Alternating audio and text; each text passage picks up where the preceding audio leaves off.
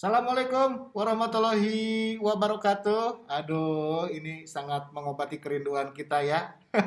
Teman-teman takobalahu minna wa minkum siyamana wa siyamakum ya ini masih momen Idul Fitri. Mohon maaf lahir dan batin buat semua teman-teman yang sudah hadir juga ya. Yes. Bapak Aziz Chandra sudah hadir ya. Hadir dong Bapak Abu. Janda ya. Mohon maaf kalau saya suka meledek Anda ya. Aduh, eh, ini Coach Ripan mana Coach Ripan? Halo. Ah, sudah ada Mantap. juga Ripan ya. Ada juga eh, Kang Angki yang sudah Ada. bergabung juga Ayo. bersama kita. Sip. Bapak Angki juga udah ada ya. Ini saya lepas aja maskernya ada di dalam kamar ini atau ya. Mau lah tuh, bisa juga Coach Ripan sponsor ya kan.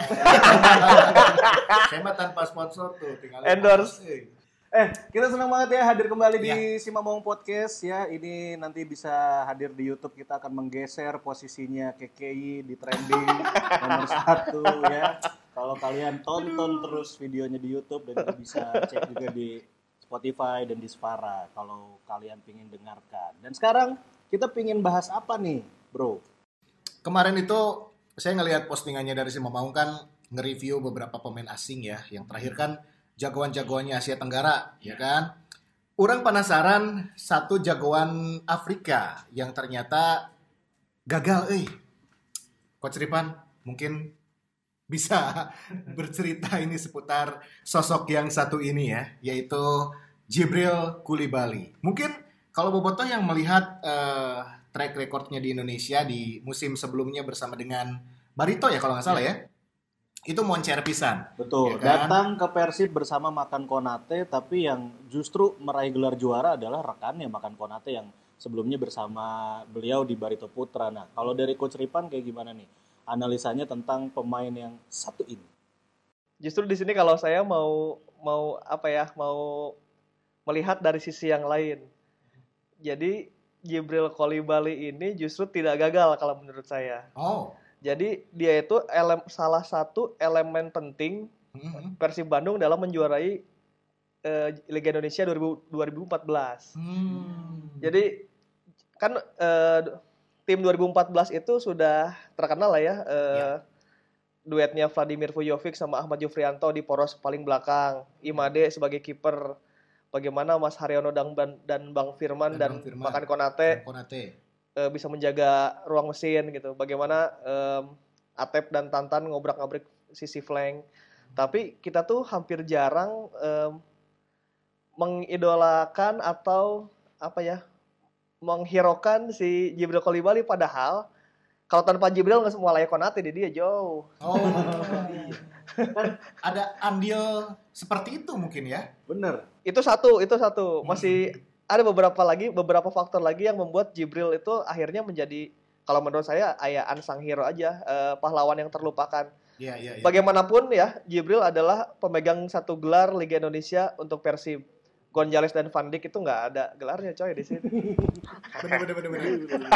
Iya, iya, iya. Bener, oke, Nya. Bener, oke, Nya. Sampai sekarang yang masih bilang sucau sucau nggak ada gelarnya cuy. Tapi ya itu tadi ya mungkin eh, kenapa tidak bisa bertahan lama gitu, cuman satu musim doang kan ya? Ya, cuma satu musim Jibril Kolibali. Mungkin Hmm. kalau perjalanannya, Angki deh cerita gimana awalnya Jibril bisa ke sini, terus eh, kenapa dia akhirnya harus menepi gara-gara cedera metatarsalnya. Cederanya sih David Beckham, itu metatarsal, keren. Iya benar. Coba-coba Ki, Ki. Eh, jadi Jibril itu didatangkan pada awal musim 2003 eh 2014. Eh, dia satu paket sama Konate dan bahkan sebenarnya yang jadi target dari Persib itu Jibril Kolibalinya bukan Konate-nya. gitu. Oh. Konate-nya cuma pelengkapnya aja gitu. Eh, dia punya catatan bagus di Barito 21 gol eh, di musim 2013-nya itu sama golnya dengan Sergio Van Dijk 21 gol. Iya benar. Cuma kalah dari Boas Salosa waktu itu 25 gol yang jadi top skor dan juara kan Persipuranya 2013. Eh, J- Jibril akhirnya direkrut ke Bandung atas keinginan dari Pak Jajang Nurjaman. Cuma yang dapat sorotannya dari cedera metatarsalnya itu kan Iya. eh, entah eh, proses tes medis atau apa yang itu masih jadi misteri lah ya di sepak bola Indonesia tes medis sebelum masuk ke tim itu. Tapi yang jadi hal yang mengecewakan untuk Persib waktu itu, terutama Pak Jajang adalah Jibril Kolibali yang berbohong. Oh. Jadi dia tidak tidak mengakui bahwa dia menga- punya cedera bawaan dari Barito. Jadi dia eh, menyembunyikan menyembunyikan itu. cedera, menyembunyikan itu. Jadi dia masuk ke Persib.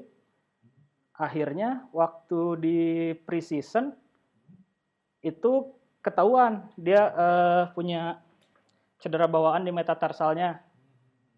Beberapa kali latihan dia tidak maksimal sampai akhirnya eh, di satu laga Inter Island Cup dia itu ikut main lawan Persita, mencetak gol juga padahal.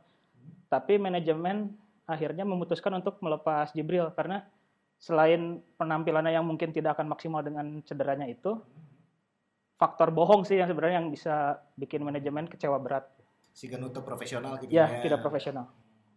Oh jadi si Jibril Eta sempet awal musim yang dikeluarin itu gara-gara bohong na lain Ya. cedera na nu lebih gede maksudnya gara-gara etana gitu. Dosa paling besarnya mungkin Dosa karena, besarnya. karena bohongnya ya bohongnya. Nggak bohong. Jadi menyembunyikan riwayat cederanya ya. Berarti lamun cedera unggul tengah bohong sebenarnya tanda naon ya? Karena pada akhirnya dia ditarik lagi kan gitu di Ah, waktu oh iya. waktu musim mau jalan dia akhirnya ditarik lagi. Nah ini kenapa nih? Apakah udahlah udah dimaafin gitu bohongnya jika? Lebih Ya, ke. Nggak dapat lagi striker yang bagus kayaknya karena Persib oh eh, udah eh, narik Fortune Udo waktu itu. Oh iya. Dicoba juga di Inter Island Cup dia. Fortune Udo tuh jadi bahan obrolan loh. Masih Padahal- mending si Kolibali cina daripada Fortune Udo itu udah udah Iya. dilibatkan di turnamen Inter Island Cup-nya juga, tapi Fortune emang Udo, performanya kurang memenuhi ekspektasi. Terus ada beberapa pemain yang ikut seleksi, kayak Roberto Kuateh itu yang dulunya di PSIS, Hmm. lalu ada Emil Mbamba dari dulunya pernah di Arema, Mhm. yang sebenarnya udah udah punya rekam jejak sih di Indonesia- di Indonesia-nya, tapi rekam, Ya, rekam jejak. ya di itu lah, di standar mungkin di- belum memenuhi Ah. keinginan Tapi kalau nggak salah Fortune Udo juga kan sebenarnya di Liga uh, Liga 2 ya harusnya Iya. Liga 2 Iya, ya. Itu di- juga dia baik loh mainnya. Tapi kenapa pas di Persib kurang gitu? top scorer saya teh kan pas di musim sebelumnya teh kan ya di Bantulnya. Mhm. Ya di Bantul oke Liga 2. Ya mungkin eh, salah satu faktor akhirnya Jibril diambil lagi yang waktunya kan saat itu mepet ya saat 2014 itu. Em, ketika Jibril nggak ada, kita kedatangan Fortune Udo, Roberto Kuateh, em, Emil Mbamba, Hmm. Nya orangnya lamun jadi pajajang mending Jibril cedera aing. Ibaratnya Jibril Sasuku masih lebih maju sih kan ya kalau kalau dari kalau kondisi- catatan sendiri satu musim di Persib ini saya saya lupa nih si Jibril Kulibali ini berapa gol berapa asis Eh, untuk catatan gol dia terbilang banyak sebenarnya. Eh, dia bisa mencetak 8 gol itu angka yang cukup bagus karena di Pers itu peringkat 3 tiga, tiga top skor timnya di urutan ketiga. Yang pertama Konate 13 gol, lalu Ferdinand, Ferdinand. Sinaga 11 gol dan Jibril Lalu Jibril eh, ya 8 gol. Eh, sebenarnya Jibril itu didatangkan di awal musimnya digadang-gadang akan banyak mencetak gol apalagi di awal musim Sergio Van Dijk juga kan belum ada keputusan akhirnya pergi ke Iran kalau nggak salah waktu itu ya. Mhm. sepahan sepahan ya Sepahan. Eh, mungkin karena sudah tidak sepahan juga akhirnya Sepaham deh. Ini udah jauh masih ngeselin aja. Bahaya tuh gimmick gitu ya. Tapi kalau melihat dari tipikal seorang Kulibali eh, Kulibali Jibril pada saat itu memang salah satu predator kotak penalti lah ya. Ngelihat track recordnya pada saat di Barito ekspektasi Bobotoh gameren wah edan euy sekelas Jibril Kulibali gitu ya. Eh, mungkin mirip-mirip kayak Eloko Gonzalez kali ya kalau dari tipikal strikernya mah ya. Ini akhirnya orang juga ah berkesimpulan akhirnya gagal gitu si Jibril teh. Kuma. lagi-lagi saya harus mengatakan Jibril nggak gagal. Hmm. Ini ini harus ditegaskan menurut versi saya tapi ya. Ya ya. Ya Batur ge bisa ngomong versi mana yang gagal tidak sih bebas ya. Cuman ini mah versi saya sendiri. Jadi gini, dulu tuh Jibril kan di Barito 21 gol. Di di tim Barito Putra yang servisnya tidak terlalu eh, mewah gitu dia bisa mencetak sat- eh, 21 gol sama dengan Sergio. Akhirnya Pak Jajang ingin menduetkan Jibril dan dengan Sergio kan saat itu. Nah, mak ini adalah apa ya? Jalan Tuhan mungkin. Edan, edan kia yang jalan Tuhan. Rezeki rezeki si Jibril gitu ya. Ya maksudnya jalan Tuhan bahwa kan kalau di Indonesia sering ya minta paket-paket gitu Zulkifli Iya, iya. Syukur minta dipaket sama Hendra Ridwan misalnya terus eh, Di Emri Duan weh. Ya itu mah paket Jos sih tapi si Along waktu ke Bandung minta dipaket sama Leonardo Pamahu gitu terus nah Jibril ini kan Pak Jajang itu sebenarnya gelandang itu ada saat 2014 udah ngincer-ngincer dua orang Gustavo Lopez jeung John Takporson Kale anu dia di Pelita Jaya pernah megang John Takporson Kale kan Oh iya iya. iya, untuk iya. posisi nomor 10 itu gelandang Jajang Nurjaman itu saat itu sudah menyiapkan Gustavo Lopez dan John Takpor. Takpo. Cuman Gustavo memang ada masalah administrasi yang biasanya pemain bintang gitu rada riweuh. John Takpor waiting list. Nah, masalahnya Jibril pengen ke Bandung asal dipaket dengan si Makan Konate. Makan Nah, Konate. ini yang saya bilang jalan Tuhan pertama. Oh. Konate kan orang sebenarnya nggak tahu Konate itu siapa gitu. Iya, iya, Saat bener. 2014 hampir nggak ada yang tahu lah. Hampir nggak ada Awal yang gabung teh masih masih blur gitu nya. Iya kumaha sih si Konate gitu alus atau henteu main Iya, iya. Masih terkenal gitu. sebagai nya Konate kan di- ditemukan oleh eh saatnya pelatih Undari Karya kan di Tangerang kan maksudnya ya pemain-pemain asing Karawacian gitu lah labelnya. ya, iya no- ditemukan emang di sana bener. Dari usia muda saat itu dibawa ke PSPS Pekanbaru. Nah, terus Jibril Jibril Kobil Bali pengen ke Bandung asal dengan Konate ini awalnya nih. Nah, Konate akhirnya datanglah mendarat di Bandung karena ada campur tangan Jibril. Nah, ini jalan Tuhan pertama ya. Ternyata Ko- Konate di sini salah satu musim terbaiknya Konate di Indonesia ya di Persib Bandung ini nggak juara ke Persib Bandung gitu. Mungkin salah satu alasannya Konate bisa tampil baik gara-gara nggak enak meureun ke yang nggak enak ke manajemen Persib meureun babaturan aing teu balik ieu, eh, cedera kieu. Jadi membalas budinya Jibril mungkin itu nggak ada Jibril ya mungkin nggak ada Konate di sini. Itu satu.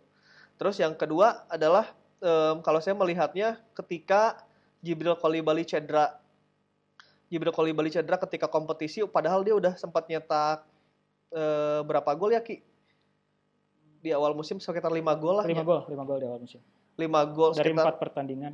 Nah, sekitar 5 gol, terus tiba-tiba nggak tahu gimana penampilannya emang menurun, mejus. Si Jibril kan akhirnya ditepikan oleh Pak Jajang ya, dimasukkan ke bench. Nah, itu tuh membuat intuisi Pak Jajang akhirnya bergerak kan.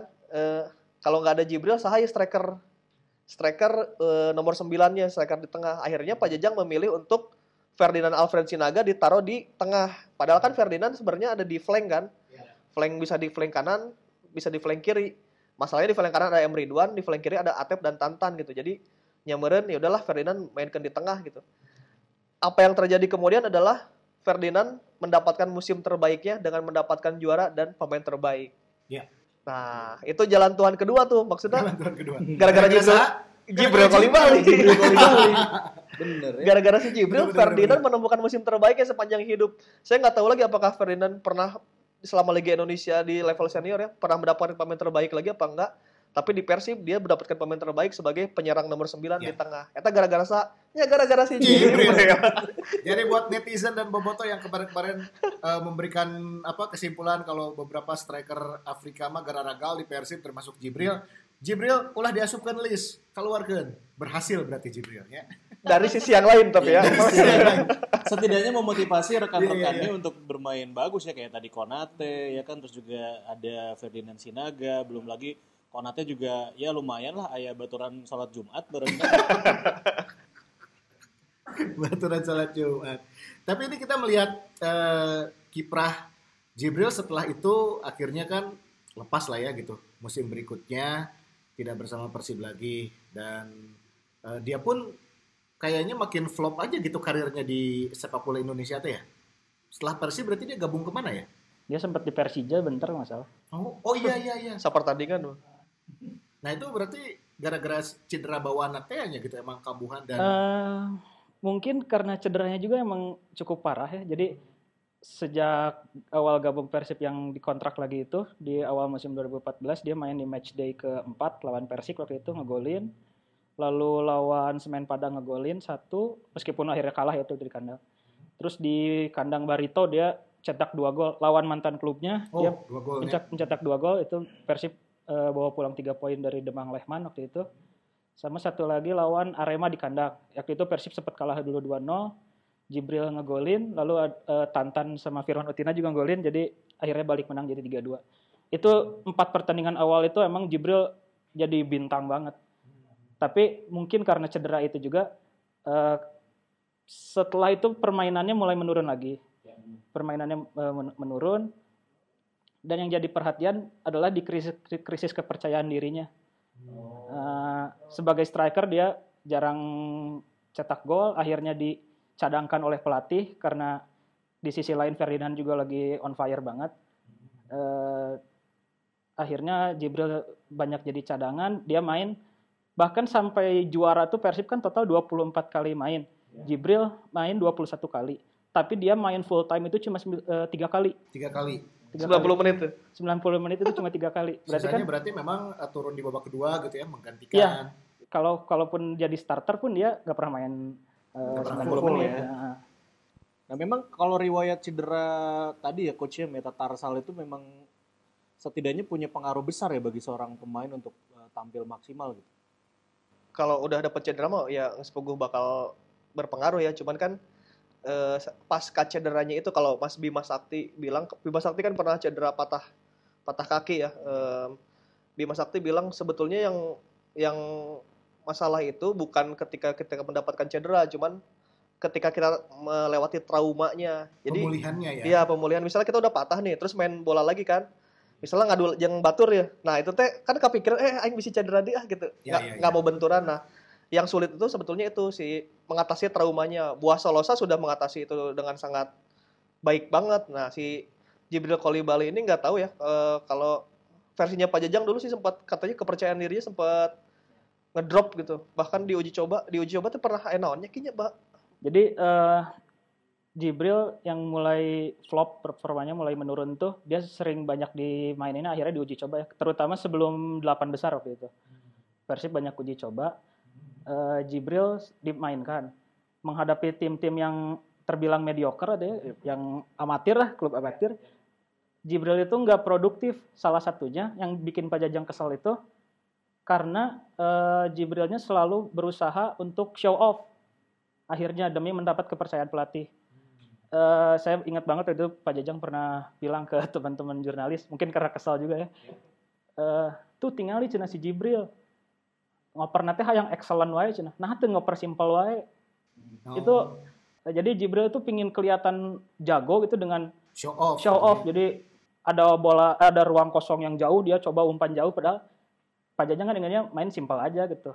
Eh, short pass kaki ke kaki yang eh, akhirnya malah ngerusak si skema dari Pak Jajang itu sendiri gitu. Jadi akhirnya dari delapan besar itu Jibril udah bukan jadi bagian tim yang utama lagi kayaknya. Jadi dia udah nggak mainnya cuma bentar-bentar. Bahkan di semifinal dan final pun dia udah nggak masuk eh, apa nggak dapat menit bermain sama sekali. Ya, berarti memang dari sisi apa ya mental dan juga itu tadi ya Pemulihan cedera. pemulihannya dan trauma healingnya mungkin yang tidak didapat oleh seorang eh, Jibril Kulibali pada saat itu. Tapi kalau kita berbicara cedera gitu ya di sebuah tim, taruhlah sekarang Persib gitu. Kalau ada beberapa pemain eh, yang saat ini mengalami cedera, selain eh, dari pemulihan fisik, apakah dari tim di internal sendiri nih, apakah ada langkah-langkah untuk bisa membantu trauma healingnya kah gitu? Mungkin biar kejadian kayak Jibril teh tidak terulang lagi gitu. Apa ada upaya-upaya yang dilakukan gitu untuk bisa memulihkan psikis dan juga mental bertandingnya? Ya karena ini idola saya ya, Kim Kurniawan, beres cedera, halus ya Nah, eta beberapa pertandingan. Tapi si Kim salah satu ini ya, em, eh, geser sedikit ke Kim Kurniawan. Salah satu kan dia pernah dihajar Rudi Widodo di Solonya, Iya, anu bahasa lawan Persija. Dan dia membuktikan bisa pulih dengan baik dan juga nggak ada trauma sama sekali. kan? Nah salah satunya gara-gara ditangani di Jerman, eta. Oh, Dia operasinya nyanges pukul. pemulihannya lain di Indonesia nya etanya. Ya, jadi secara ini mungkin metodenya bener kali ya. Terus secara mental juga dia kuat gitu. Yang jelas ini sih eh, mental ya. Apa pun metode pemulihannya, pada akhirnya kan mental mental bertanding setelah cedera itu yang yang yang menjadi utama. Em, untuk kasus Jibril ya mungkin dia akhirnya tidak mendapatkan momentum. Cuman dari kembali ya ke sisi lain, saya selalu bilang Jibril ini penyumbang juara 2014 tapi dari sisi yang lainnya gitu dari dari dari sisi samping mungkin ya ketika dia dicadangkan dan tidak hampir tidak mendapat kepercayaan Jajang Nurjaman Jibril itu teriweh di di bangku cadangan. Biasanya kan kalau pemain bintang dicadangkan, bawelnya aduh aing bintang tapi dicadangkan gitu. Nah, salah satu akhirnya yang membuat Persib juara adalah kondisi bench dan ruang ganti nggak panas-panas banget gitu gara-gara Jibril dicadang kondusif. Dia masih bisa menahan diri untuk akhirnya tidak mengganggu suasana tim. Itu ya angkat jempol dan hormat setinggi-tingginya sih untuk Jibril. Akan sulit juga kan misalnya ningali Saha misalnya ya, pemain bintang dicadangkan ya pasti kesel lah pengen main. Ya salah satu yang bisa di bench tapi nggak banyak oceh ya itu Jibril dan salah Brand Koso juga bisa tuh. Cuman kan masalahnya Brand Koso tuh mau juara. Ngan sabaraha bulan oke ya. Ya. Dengan dengan dengan kondisi cedera pun Jibril masih top 3 top skor ter- teratas kan. Eh, Konate, Ferdinand dan Jibril. Jibril masih bisa mencetak 8 gol gitu. Beda Mun si eta bener-bener jag-jag gitunya. iya kok komo saya menjaga gitu. Makanya nggak nggak heran di musim sebelumnya 21 gol gitu. Dan penampilan terbaik Jibril ya kalau di lapangan ya, kalau di lapangan adalah ketika kita away ke Barito Putra. Itu kalau bisa Bobotoh mengingat, ya itu salah itu penampilan terbaik Jibril di lapangan. Cuman di luar lapangan dia banyak memberikan sumbangsi.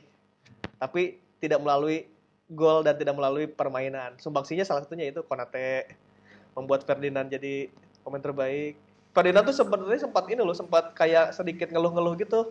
Hmm. Si Eta kan bisa lalu lompatan ya di sayap flank gitu, mendapatkan Iya, iya. ruang yang yang banyak dribble, tiba-tiba jadi kudu ngelawanan back utama back utama musuh dan dia harus stay gitu. Pajang eh Pajang kan sering tuh ngomong Ferdinand jangan ke kanan ke kiri, stay aja di tengah, daguan bola, daguan bola. Sedangkan si Ferdinand kan aing lu lompatan gitu. Nya, nya. Nah, tapi itu ternyata yang mendewasakan Ferdinand akhirnya gitu. Dia bisa menjadi striker tengah dengan atribusi yang lumayan komplit, gitu. bisa nahan back batur, bisa shooting, bisa diving. Salah satunya kan lawan Bio Paulin waktu final tuh akhirnya Oh, dia bisa membuat Bio kartu merah ya bisa iya. intimidasi bisa intimidasi. Intimidasi. Ya gitu hatur nuhun buat Jibril yang telah cedera metatar. Jadi ya cerita boleh- tadi ya Terima kasih juga gitu kita sama kehadiran eh, Kulibali Jibril gitu ya yang kemarin mungkin punya versi masing-masing ya. Iya, memberikan Makanya sumbangsi saya- dari sisi yang lain lah untuk juara Persib. nggak rewel juga waktu dicoret kan Ah, betul. jadi eh, waktu akhirnya Persib juara eh, evaluasi untuk musim berikutnya kan hanya Jibril tuh pemain Asia yang dicoret Konate benar. dan Vujovicnya kan dipertahankan dan dia ada lamun si respon ya m- mungkin kalau si Jo- Kolibalinya rewel mah Konatena ajak cabut wes sarua udah sapaket kan datang aja keluar Oh, iya, serangan Iya, bener. Itu dia. Eh tapi ini mungkin juga mulai menjawab ya eh, pertanyaan-pertanyaan dari netizen dan juga Bobotoh serta Maungers yang kemarin tuh kelihatan eh ini bagaimana ini persepak bolaan di Indonesia mungkin eh, melihat di Eropa kan sudah mulai bergulir nih beberapa Ya. liga besar. Mungkin teman-teman ini Kang Angki atau Coach Ripan sudah ada bocoran-bocoran bagaimana mengenai eh, kelanjutan di liga domestik kita nih. Betul, apalagi memang Persib sendiri sudah menyatakan sikap ingin melanjutkan Liga 1 ya kompetisi cuma memang dengan berbagai macam persyaratan salah satunya Ya. adalah perubahan kontrak pemain. Kalau dari Kang Angki sendiri gimana nih? Ada updatean terbaru Persib akan bermain lagi liganya atau gimana?